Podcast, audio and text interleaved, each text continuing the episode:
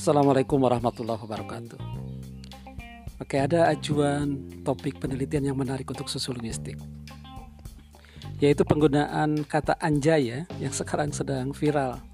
Mungkin viralnya sudah agak terlewat beberapa minggu nih, tapi sekarang masih ya masih menarik untuk dibahas.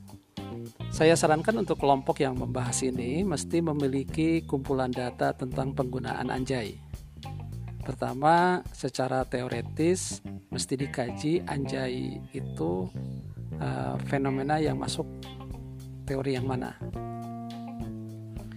Oke, di dalam penggunaan bahasa Indonesia kan ada yang ada cara yang disingkat, ada yang diubah uh, pengucapan gitu ya.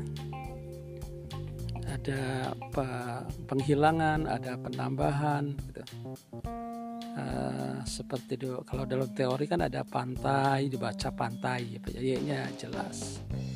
Ada uh, jadwal ada juga kemudian jadi jadwal tidak pakai w. Itu kan fenomena yang terjadi biasa di masyarakat. Ada yang mengucapkan telur ada yang telur gitu. Nah di dalam penggunaan bahasa sehari-hari ada orang yang suka menggunakan kata agak kasar.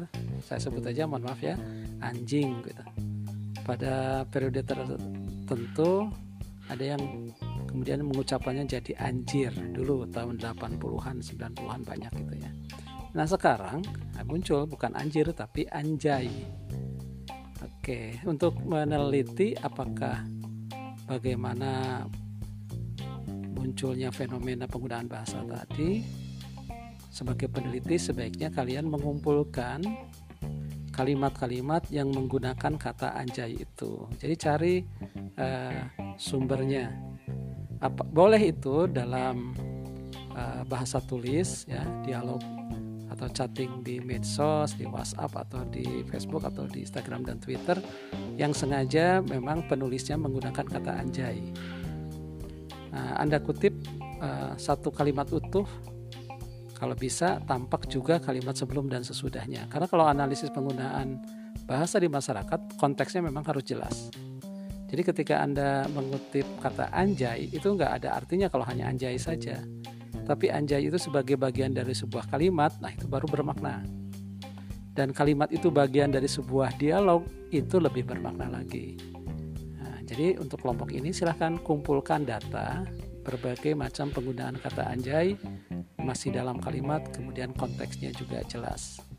Andai kata penggunaan anjay itu adanya dalam penggunaan bahasa lisan, ya tidak apa-apa.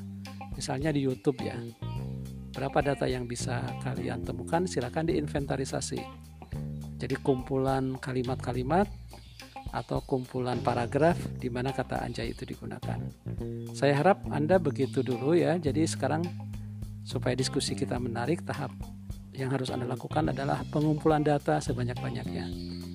Dari data yang terkumpul itu, uh, langkah selanjutnya nanti kita bisa mengidentifikasi dan mengklasifikasi. Jadi bisa buat dibuat beberapa kelompok kategori penggunaan anjay. Apakah itu sebagai ungkapan saja atau sebuah kalimat yang punya makna tersendiri atau mungkin ada penjelasan atau makna lain itu akan Anda temukan setelah menemukan konteksnya. Jadi silahkan kumpulkan data sebanyak-banyaknya. Bagaimana cara menganalisis kita akan bahas di kesempatan yang lain. Saya akan bahas melalui podcast bagaimana cara menganalisis itu. Tentu saja kalau Anda dan kelompok sudah berhasil mengumpulkan data itu. Oke ya, sementara itu dulu. Uh, kumpulkan data, kita lakukan identifikasi baru selanjutnya kita melakukan analisis. Terus semangat. Assalamualaikum warahmatullahi wabarakatuh